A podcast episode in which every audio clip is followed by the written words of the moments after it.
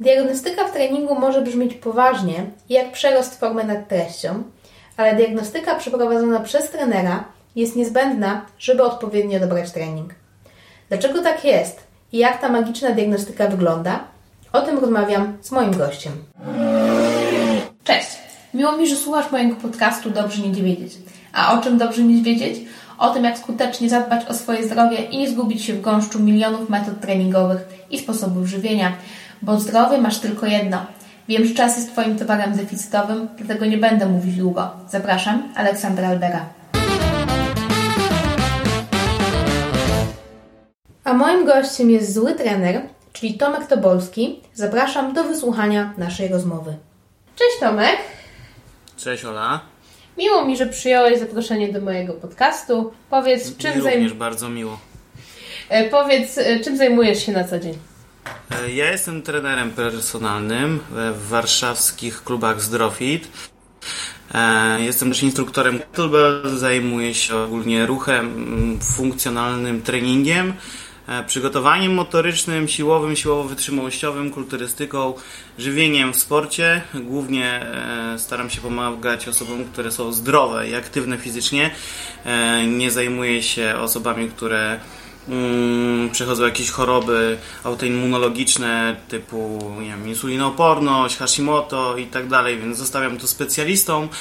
E, dodatkowo zajmuję się sportami walki i od lat trenowałem piłkę nożną, więc e, szereg zajęć, które pozwalają mi e, osiągnąć duże spektrum, jeżeli chodzi o ruch w treningu. Tyle okay. na tę chwilę. Myślę, że okay. sporo. No tak, zajmujesz się bardzo wieloma rzeczami, ale powiedziałeś bardzo ciekawą rzecz, e, czyli to, że zajmujesz się osobami ogólnie rzecz ujmując zdrowymi. E, no a my dzisiaj spotkaliśmy się, żeby porozmawiać o diagnostyce, która się mhm. kojarzy z jakąś chorobą.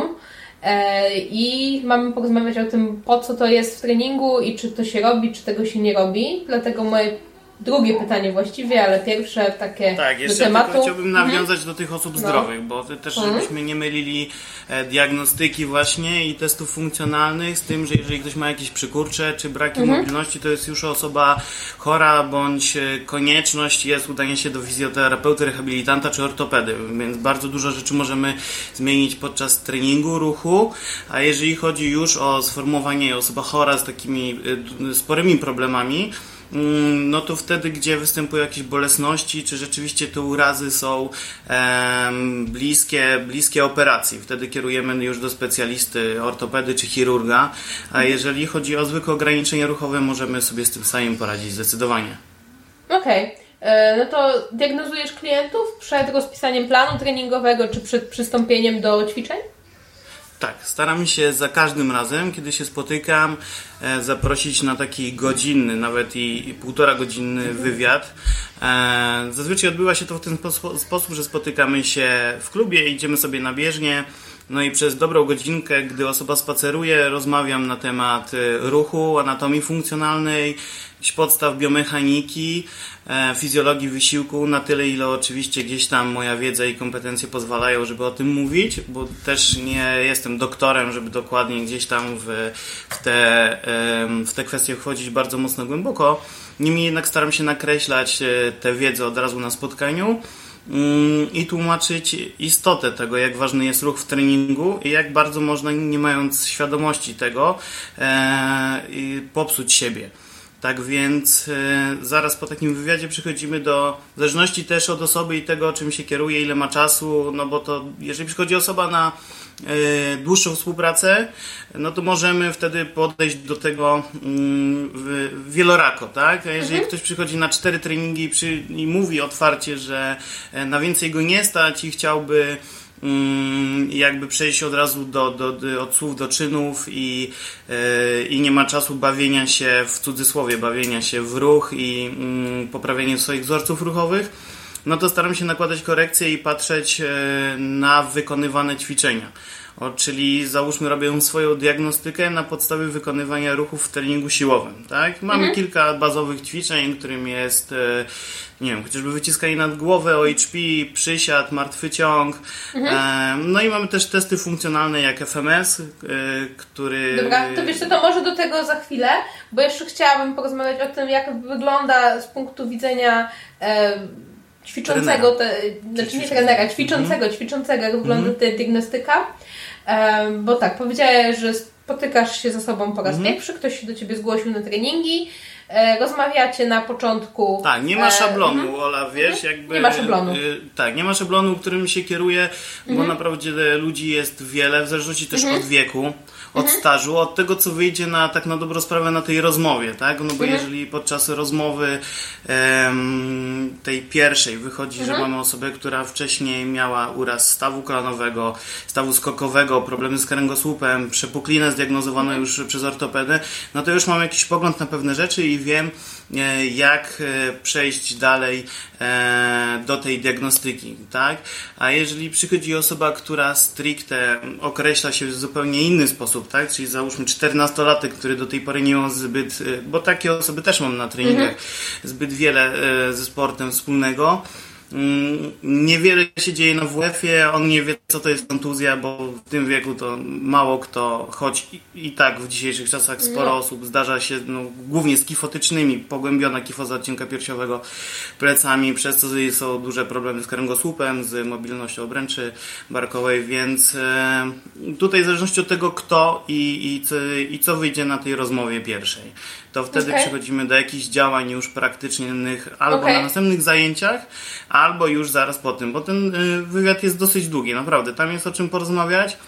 Poczynając właśnie od jakichś podstawowych takich pojęć, jak który staw jest mobilny, który stabilny, tak, ta koncepcja Mike'a Boyla, gdzieś tam właśnie jak wygląda FMS, y, tłumaczę, jak wyglądają wzorce ruchowe, czym one są, e, jak wygląda generalnie sport, jak wygląda ruch, co możemy osiągnąć, jak ważna jest rola żywienia w sporcie. Mm, stąd ta diagnostyka jest y, różnoraka, tak? Nie mam y, okay. stałego szablonu. Okej, okay, czyli y, najpierw jest rozmowa, a potem tak naprawdę ta diagnostyka może się zamknąć z tego, co powiedziałeś w ćwiczeniach, czyli że po prostu zaczynacie mm -hmm. ćwiczyć, a ty na podstawie tego, jak ktoś się rusza, jesteś tak. w stanie dobrać dalszy tak. trening. Tak, okay. tak, tak, tak, tak. No bo to... tak, mhm. tak jak, przepraszam, że wejdę jeszcze w słowo, no mhm. wiesz, jakby nie było, mm, pracuję na siłowni, jestem trenerem tak. personalnym, co warto podkreślić w tym odcinku, tak więc osoby nie przychodzą do gabinetu fizjoterapeuty mhm. czy rehabilitanta do mnie stricte, e, tylko przychodzą po mm, zmiany w e, sylwetce, bądź gdzieś tam e, zmiany siłowe, tak, żeby albo nauczyć się wykonywania ćwiczeń.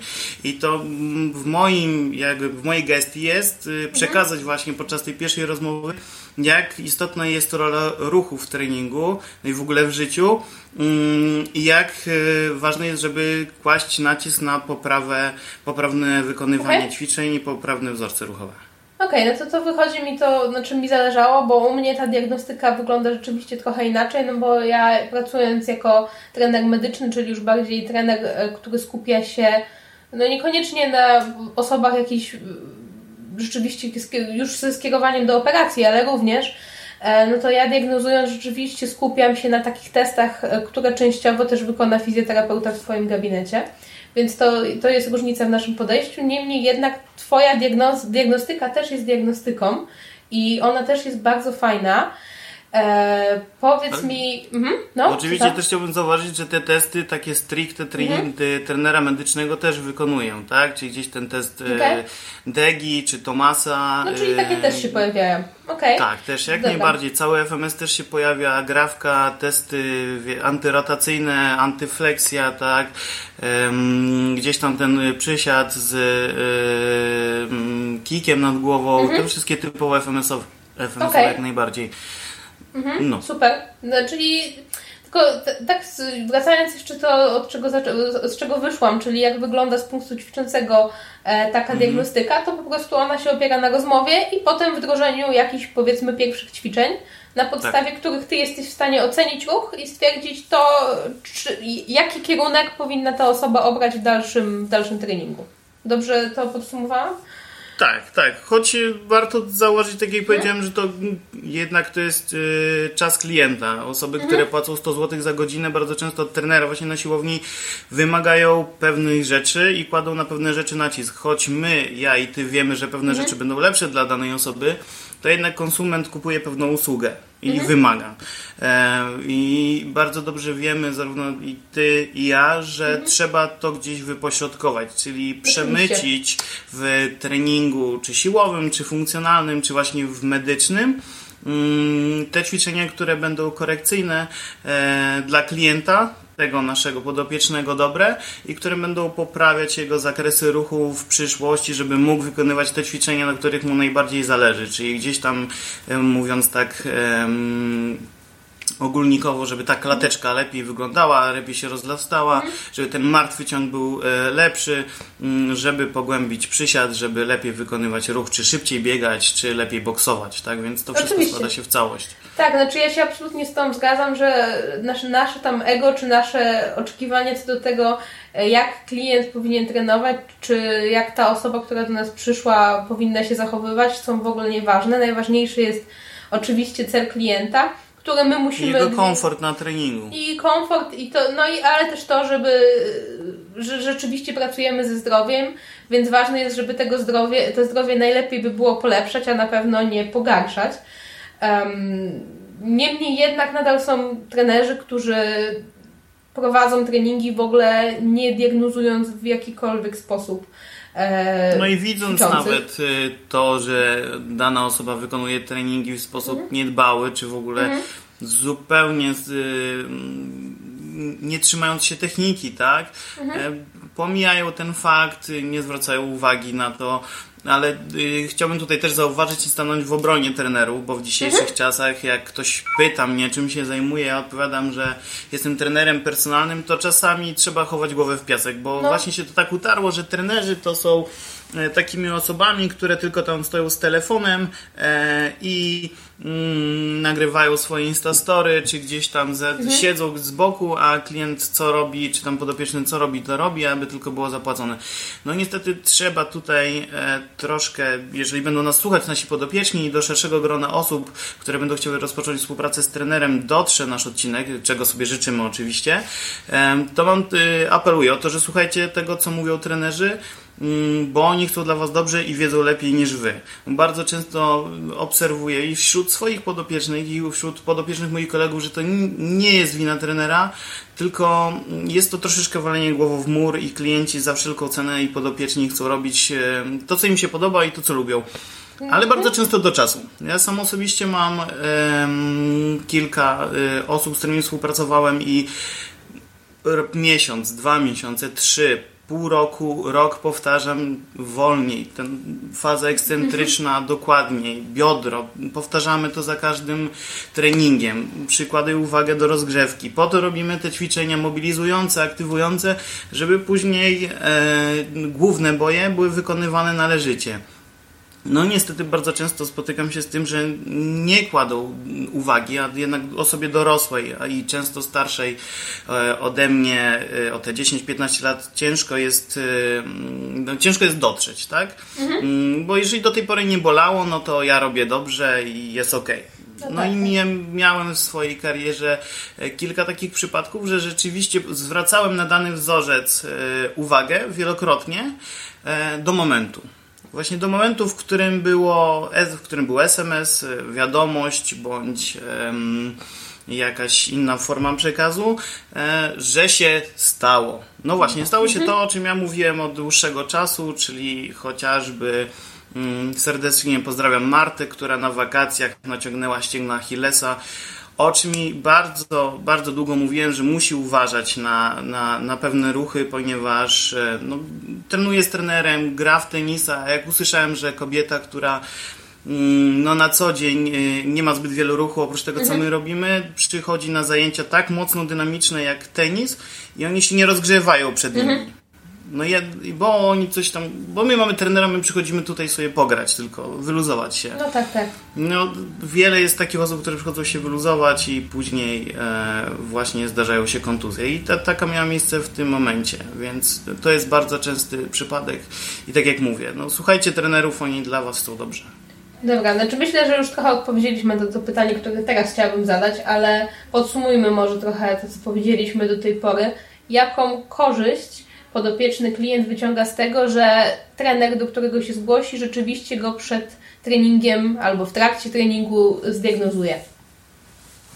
E, może korzyść, e, ciężko tutaj mówić o korzyściach. Czego mhm. uniknie? Na pewno uniknie przeciążeń, na pewno uniknie kontuzji, na pewno poprawi swój sen, poprawi swoją mobilność, poprawi jakość swojego życia i komfort wykonywania ćwiczeń czy jakichkolwiek innych ruchów w życiu codziennym. Ponieważ nie, nie diagnozując, bądź nie obserwując tego, jak e, podopieczny wykonuje ruchy i czy wykonuje je poprawnie i czy one są dobre dla niego, bo nie wszystkie ruchy na dany moment, bo można mhm. oczywiście tak ukształtować, kształtować ciało, że to, co dzisiaj jest dla ciebie no niekoniecznie dobre, może być wspaniałe za rok. E, tak więc to, że trener zwraca nam uwagę na pewne rzeczy i będzie nas e, diagnozował i w czasie treningu, czy bądź przed, tak jak robimy screening, mhm. pozwoli nam na wejście na, na wyższy poziom. To jest troszkę tak, jakbyśmy e, cały czas biegali dystans tylko i wyłącznie 3 kilometrów mhm. nie chcąc speriodyzować swojego treningu o krótsze na przykład odcinki po 100 metrów, ale sprintem, tak? E, upieramy się, walimy głową w mur, biegamy tylko po 3 km. Dzięki tej diagnostyce będziemy mogli przebiec 5, 10, 15, później półmaraton, a na końcu maraton. Nie chcąc się rozwijać, maraton jest tutaj właśnie dobrym przykładem i będziemy robić w kółko to samo nie przebiegniemy tego maratonu, będziemy biegać krótkie odcinki, więc na pewno korzyścią dla Was, jako osób y, współpracujących z trenerami, i na to zwracajcie uwagę, czy robią podstawowe testy funkcjonalne, czy w ogóle zwracają uwagę na technikę, będzie to, że się będziecie super rozwijać. Na początku wolniej i trzeba mhm. mieć cierpliwość, bo tej cierpliwości naszym podopiecznym brakuje. Oni chcą już na teraz. Ale ja zdecydowanie uważam, że lepiej poświęcić sobie ten miesiąc, dwa, nawet do trzech, gdzieś tam na naukę tych ruchów, poprawę jakości wzorców ruchowych, czy e, właśnie mobilności, stabilności tych sił antyrotacyjnych, żeby, mhm. mm, żeby później móc wykonywać ćwiczenia na zasadzie, dobra, to jak crossfit, robimy teraz to, to, to, to i to i ty już się nie zastanawiasz. Twoje ciało zapamiętuje ruchy e, i będzie je powtarzać w tych ćwiczeniach złożonych. Jeżeli od razu przejdziemy do ćwiczeń złożonych, takich e, rozbudowanych jak chociażby zarzuty czy kliny, presy z ziemi, no to daleko nie zajdziemy, a doznamy tylko przeciążeń. Więc zdecydowanie korzyścią będzie to, że będziemy się rozwijać równomiernie, troszkę wolniej, ale za to to nie jest sprint, to jest maraton, co, to co powtarzają wszyscy trenerzy, e, fizjoterapeuci, rehabilitanci. Tu się nie ma gdzie spieszyć. No, mamy życie, ono się nie kończy za 3 miesiące. Jest też taka tendencja, Ola, zresztą mm -hmm. to widzisz jako trenerka, e, te wszystkie market, marketingowe rzeczy, typu przemiana w 3 miesiące, w 4 tak, miesiące, tak. w pół roku, jakby super, bo dzięki marketingowi nasza branża, jak i każda inna, no bo marketing y, dociera do każdej branży, e, rozwija się i dzięki temu napływają do nas podopieczni, którzy też chcą uzyskiwać tego typu efekty. Tylko no, trzeba troszeczkę za, za nogę ściągnąć w dół, e, podciąć delikatnie skrzydła i, i uświadomić, że, że to nie jest tak, że, że te trzy miesiące to można cudów e, oczekiwać.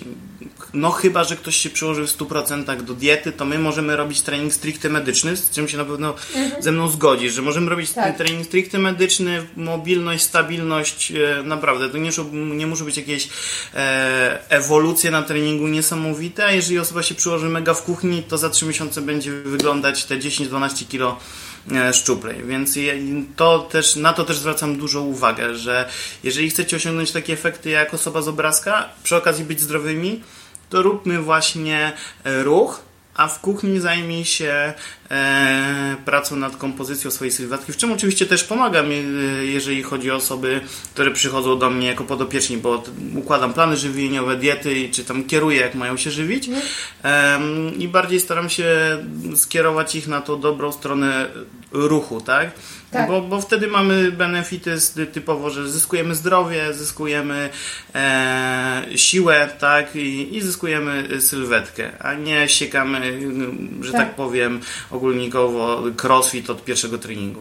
Tak, znaczy, ja rzeczywiście powtarzam to, mam wrażenie ostatnio w każdym odcinku, że ludzie trenujący amatorsko skupiają się na tym, żeby zrobić wyczyn sportowy, kiedy to w ogóle nie jest istotne dla nich tylko jest to istotne, bo gdzieś tam pokazuje się, że ta osoba uniosła 100 kilo, ta osoba przeskoczyła przez, nie wiem, przez najwyższego boksa.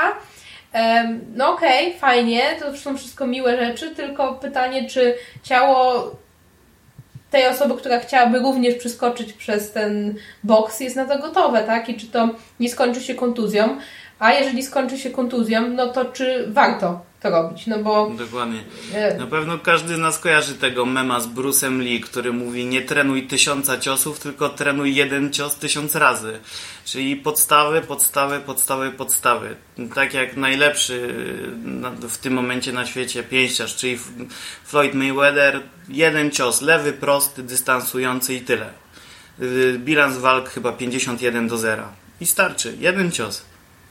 Tak, trzeba, trzeba trenować podstawę, a nie chcieć od razu um, być jak sportowcy, bo sportowcy płacą naprawdę ogromną cenę za to, że tymi Ja jako trener są. i osoba z 20 mhm trzyletnim stażem nie określam się mianem sportowca, bo do sportowca to mi daleko. Sportowiec to jest osoba, która się tym zajmuje e, zawodowo, tak? Ja, ja, ja lubię tak mówić o sportowcach. Jak ktoś mi mówi, o, bo ty jesteś sportowcem, bo robisz tam załóżmy 50 pompek. No, gdzie mi do sportowca? Ja jestem trenerem. Sportowcem to jest ktoś, kto wstaje rano, wiesz, robi rozgrzeweczkę, przebieżkę te 50 km, później ma odpoczynek, dietę, drugi trening robi w południe, trzeci trening robi wieczorem i reprezentuje Polskę na Igrzyskach Olimpijskich albo w zawodach e, no, międzykrajowych, tak? No, to jest osoba, która rzeczywiście może się mm, mianem sportowca określać. A my, osoby, które trenują rekreacyjnie e, te 4-5 razy w tygodniu, no jesteśmy po prostu osobami e, amatorami, tak? Choć mamy znacznie większą wiedzę niż, niż nie jeden sportowiec. Okej. Okay. Dobra, no to myślę, że, że myślę, że wiele powiedzieliśmy o diagnostyce, ale wspomniałeś na początku o tym narzędziu, z którym pracujesz. Powiedz nam proszę, co to jest ten FMS? FMS y, z angielskiego Functional Movement Screen mhm. to jest baza kilku ćwiczeń, które wykonujemy i na, po sobie i na tej podstawie trener ocenia e, nasze zakresy ruchu, ruchomość, tak nie wchodząc w, jakiej, w, w jakąś taką nomenklaturę już stricte trenerską, bo chcielibyśmy dotrzeć do osób, które, no, żeby nas zrozumieli o czym mówimy. Mhm. Więc mamy 7 ćwiczeń, które wykonujemy, to jest e, przysiad głęboki, E, dla przypomnienia, przeniesienie nogi nad poprzeczką, przysiad w wykroku, mobilność obręczy barkowej, czyli agrawka, e, aktywne uniesienie wyprostowanej nogi, pompka w podporze przodem i stabilność rotacyjna. Z tego co pamiętam ze szkolenia, e, FMS e, jest to baza testów, która została wykreowana przez kilku fizjoterapeutów właśnie w Stanach mhm. Zjednoczonych. Ja nie pamiętam, czy właśnie tam nie był Mike Boyle też mhm. E, jednym z nich, ale nie chcę, nie chcę teraz kłamać.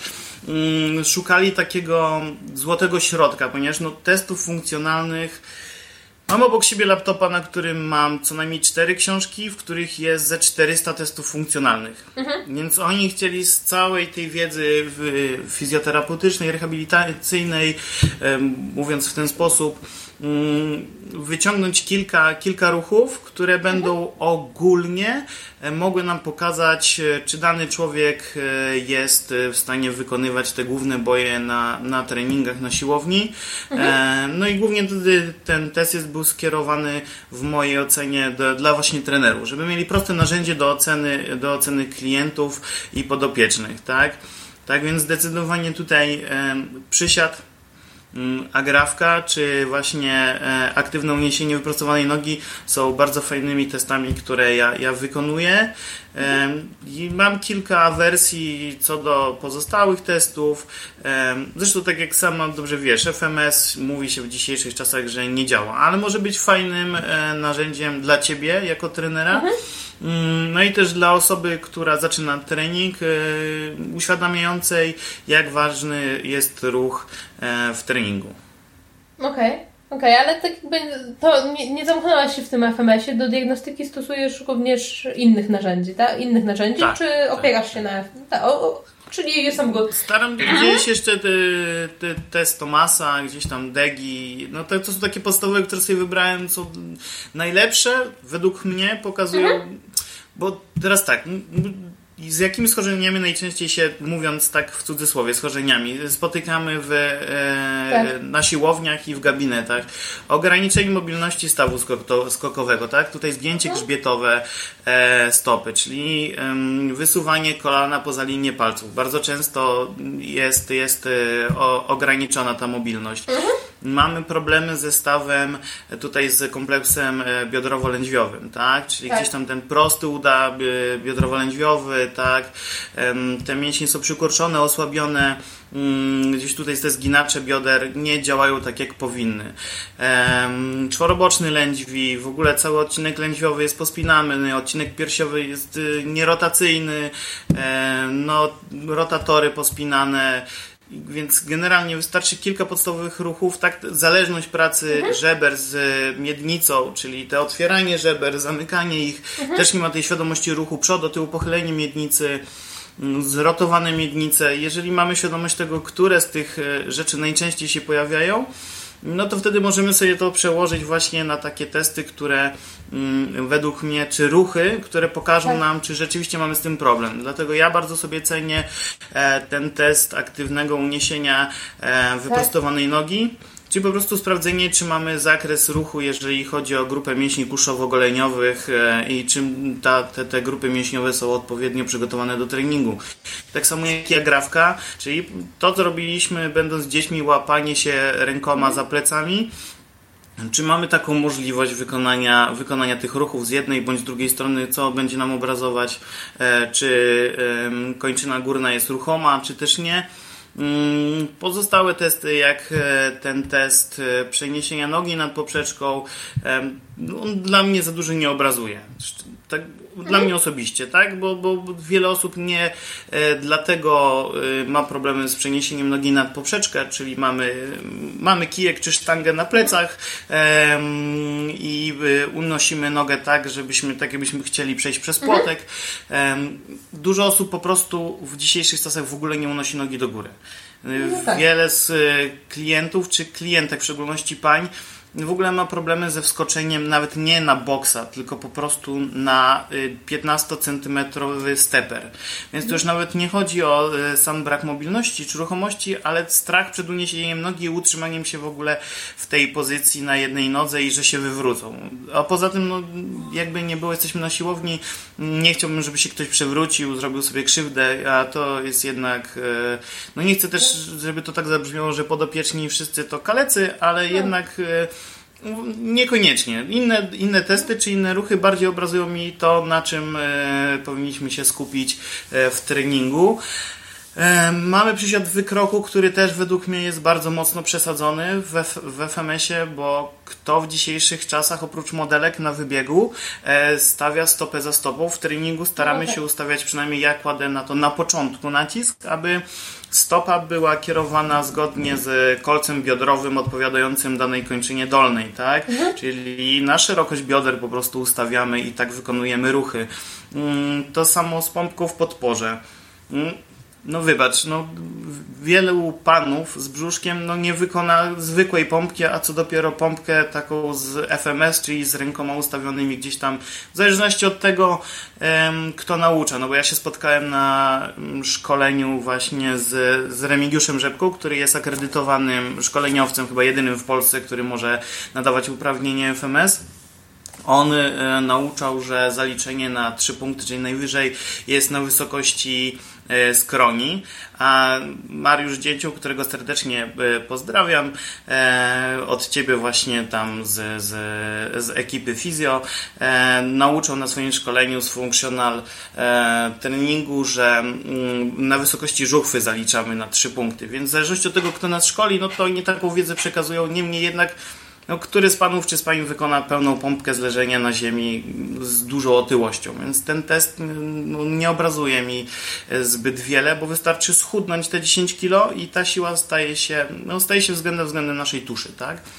Tak więc y, no, staram się wykonywać y, te testy, które gdzieś tam dają mi obraz, czy te ruchy, które dają mi obraz tego, jak dana osoba się porusza, okay. czy z czym ma problem. I co, co będzie przede wszystkim grało na treningu, no bo jeżeli danych rzeczy nie będziemy wykonywać, bo danej osobie na tym nie zależy lub ma za mało czasu, no to nie będziemy się na tym skupiać, nie? Okej, okay, okej, okay. czyli FMS fajne narzędzie, ale nie, nie wyczerpujące tak jakby do wszystkich tak, przypadków. W, mojej, w mojej opinii tak. Yy, no pewnie nie tylko w mojej, ma ono solidne podstawy właśnie jeżeli chodzi o screening. E, jeżeli wiemy jak je zmodyfikować, zimplementować właśnie do tego wywiadu i do pierwszej diagnostyki, e, bardzo fajne, przydatne narzędzie. Zresztą całe szkolenie jest bardzo fajne i obrazuje nam bardzo dużo, jeżeli chodzi o, o problemy e, z ruchem, tak? Czy właśnie okay. z mobilnościami i zakresami ruchu. Okay. Więc dla okay. trenera super narzędzie, żeby się nauczyć um, jak pracować z ciałem. Czyli, e, czyli jest to dobre narzędzie, ale dla, e, dla osoby, która szuka trenera, nie powinno być to jedynym wyznacznikiem, że dany trener pracuje FMS-em, no bo nie jest to jedyne narzędzie, jakiego można użyć do diagnostyki, czyli de facto do dostosowania treningu do danej osoby, tak? W mojej opinii tak. No bo chyba wypływa nam to z tego, e, z tej całej naszej rozmowy, że jeżeli szukacie trenera, nasi, nasi drodzy słuchacze, no to powinniście szukać osoby, która rzeczywiście tą diagnostykę przeprowadzi i nie dziwcie się, jeżeli pierwszy trening będzie właśnie się opierał czy na dłuższym wywiadzie, czy nie zaczniecie od razu robić... Powinien w ogóle, powinien. Tak. Wiesz, ja na pierwszych treningach, e, jak często mam osoby, które już współpracowały z klientami, e, z, przepraszam, z trenerami, mhm. pytam się, czy trener się przedstawił, czy opisał im ich kompetencje, czy właśnie zrobił testy funkcjonalne. Bardzo często, czy w ogóle miały taki wstęp, jak ja robię. Mhm. Bardzo często słyszę, że ktoś miał dwóch, trzech trenerów i to, co ja opowiadam, to w ogóle pierwsze słyszą, pierwsze widzą. Mm, nie mam przy sobie swoich dyplomów, nie mam przy sobie swoich kompetencji, ale na swoim Instagramie mam zakładkę moje kompetencje, gdzie mam zdjęcia swoich e, kursów, jakie ukończyłem i w ten sposób mam jakieś swoje portfolio, które pokazuję też na pierwszych zajęciach, e, żeby dana osoba wiedziała z, z kim ma do czynienia i czym się zajmuje, jakie mam, kompetencje. Oczywiście papierek nie świadczy o tym, e, że dana osoba się na danej rzeczy zna. Oczywiście. Niemniej jednak uważam, że każdy trener i osoba, i oczywiście ludzie, ludzie, którzy będą nas słuchać, powinny weryfikować osoby, z którymi ćwiczą, sprawdzić ich tak. kompetencje, zapytać. Pamiętajcie, że pierwszy trening zazwyczaj jest za darmo, jest to konsultacja. Możecie przyjść, więcej się nie pojawić, jeżeli uważacie, że dana osoba jest niekompetentna. Bardzo często spotykam się z zapytaniem na grupie e, Zdrowit Warszawa, że dana osoba poszukuje trenera. Za chwilę pojawia się lista co najmniej 20 osób, które tak. choć nawet nie pracują w tej lokalizacji, bo zdarzało się tak, że do naszego klubu ktoś konkretnie szukał trenera w naszym klubie. Pojawiała się lista 30 osób, które oczywiście będą prowadzić tą osobę, gdzie w życiu nie widziałem na siłowni te, te, tego trenera. Mm, nikt nic nie pisze o sobie, nie zaprasza właśnie na diagnostykę, nie zaprasza na konsultacje, tylko wysyłają swoje profile. Ja uważam, że jeżeli jesteś zainteresowany treningiem personalnym czy rozwojem własnej osoby, powinieneś minimum wybrać do 3, 4, 5 trenerów, żeby zobaczyć, czy ci to odpowiada, czy dana osoba będzie ci odpowiadać, czy ma kompetencje. Jeśli nie masz czasu, no to powinieneś e, znaleźć taką osobę, która e, właśnie będzie tą diagnostykę przeprowadzać, wywiad z tobą. Mm, może to być też pomiar składu masy ciała. Bardzo fajne narzędzie, takie motywujące. Oczywiście nie jest ono zero-jedynkowe, ale fajnie też jakby trener to zrobił na pierwszych zajęciach. Ono za wiele nie wnosi, o tym może nie będziemy mówić, ale to też jest mhm. jakaś tam kompetencja, którą fajnie, fajnie, żeby trenerzy mieli, potrafili robić i potrafili tym motywować i wskazywać na pewne rzeczy. No ale mówimy o screeningu, więc zdecydowanie też weryfikować, jakby oprócz tego, co dana osoba potrafi mówi, to kompetencje. Czy w ogóle dana osoba jest trenerem personalnym, czy ma kurs, jak robiła ten kurs, czy oprócz samego kursu e, zrobiła jeszcze jakieś dodatkowe szkolenia, czy mm, czym się zajmuje, czym się zajmowała wcześniej, czy sama przychodziła jakieś urazy, jak z nich wyszła, tak? Ja osobiście bardzo dużo się nauczyłem na podstawie własnej skóry, ponieważ przyszedłem, mm, no jestem aktywny, tak jak mówiłem, tych 23 lat w sporcie, wiele różnych sportów, wiele dyscyplin takich mocno kontaktowych, więc tych urazów było sporo. Dzięki temu właśnie zaczynałem poznawać anatomię, właśnie ten screening, jak, jak się naprawiać, jak się ruszać, żeby do tych przeciążeń nie dochodziło. I uważam, że tym powinni się kierować ludzie w wyborze trenera e, i czasami lepiej przejechać te dwa, trzy przystanki autobusem dalej do kogoś, kto jest wartościowy, aniżeli chodzić tam, gdzie nam wygodnie.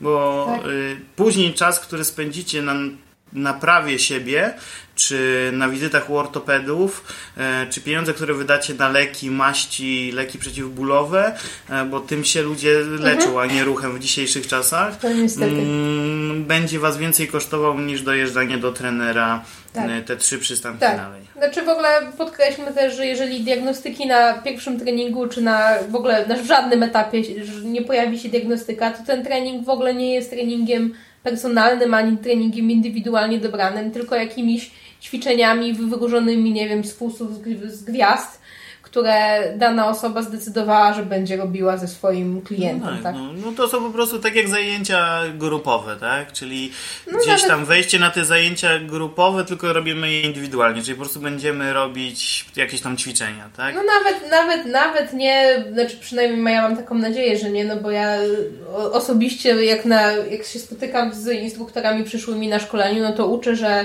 e, ludzi na grupie też można w pewien no tak, oczywiście tak, tak, ograniczony tak, sposób, ale rozpoznać z kim mamy do czynienia i dopasować ćwiczenia. Choć się utarło właśnie, że te zajęcia grupowe niekoniecznie są spersonalizowane, dlatego o tym wspomniałem. No, utarło się i rzeczywiście ale od tego odchodzimy. Te, teraz się odchodzi, ale, ale utarło się, że tak jest, no niestety. No niestety i, i uważam, że jest to prawda, ale też uważam, że można by, mogłoby to wyglądać inaczej. No, więc pamiętajmy, że trening bez diagnostyki nie jest treningiem personalnym, tylko treningiem jakimś. Treningiem jakimś. Zbiorem, zbiorem ćwiczeń. Które, które lubi trener.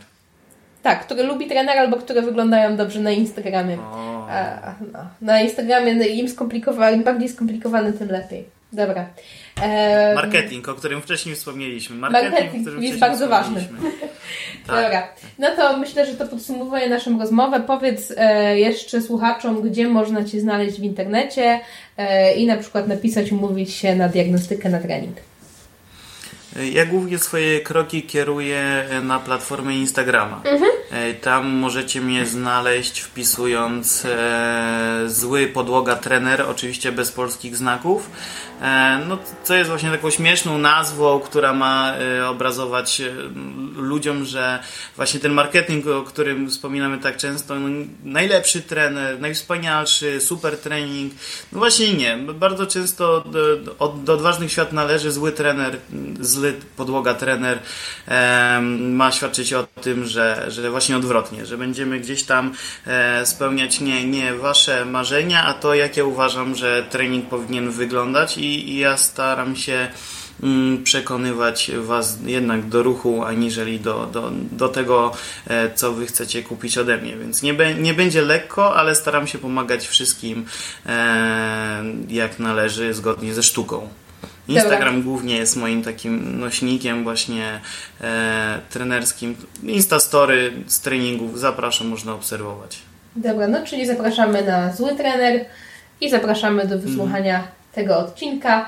Oczywiście. Pamiętajcie, że trener musi diagnozować i warto Absolutnie. chodzić do kilku, żeby zwrócić uwagę na to, który jest najlepszy. Dokładnie. No to dziękujemy Wam bardzo za wysłuchanie tego odcinka i dziękuję Ci Tomku za to, że przyjąłeś dziękuję moje również. zaproszenie. Bardzo było miło, bardzo fajna rozmowa. E, dzięki Ola. Dziękuję Ci za wysłuchanie tego odcinka. Mam nadzieję, że wyjaśnił Ci, dlaczego diagnozowanie w treningu jest dla Ciebie korzystne i dlaczego pierwsze pytanie do Twojego trenera przed pierwszym treningiem powinno brzmieć, czy przeprowadzisz ze mną diagnostykę. Żeby otrzymywać powiadomienia o nowych odcinkach i masce innej mięsistej, zdrowej wiedzy, zapisz się na newsletter. Link znajdziesz w notatkach. Do usłyszenia w nowym odcinku.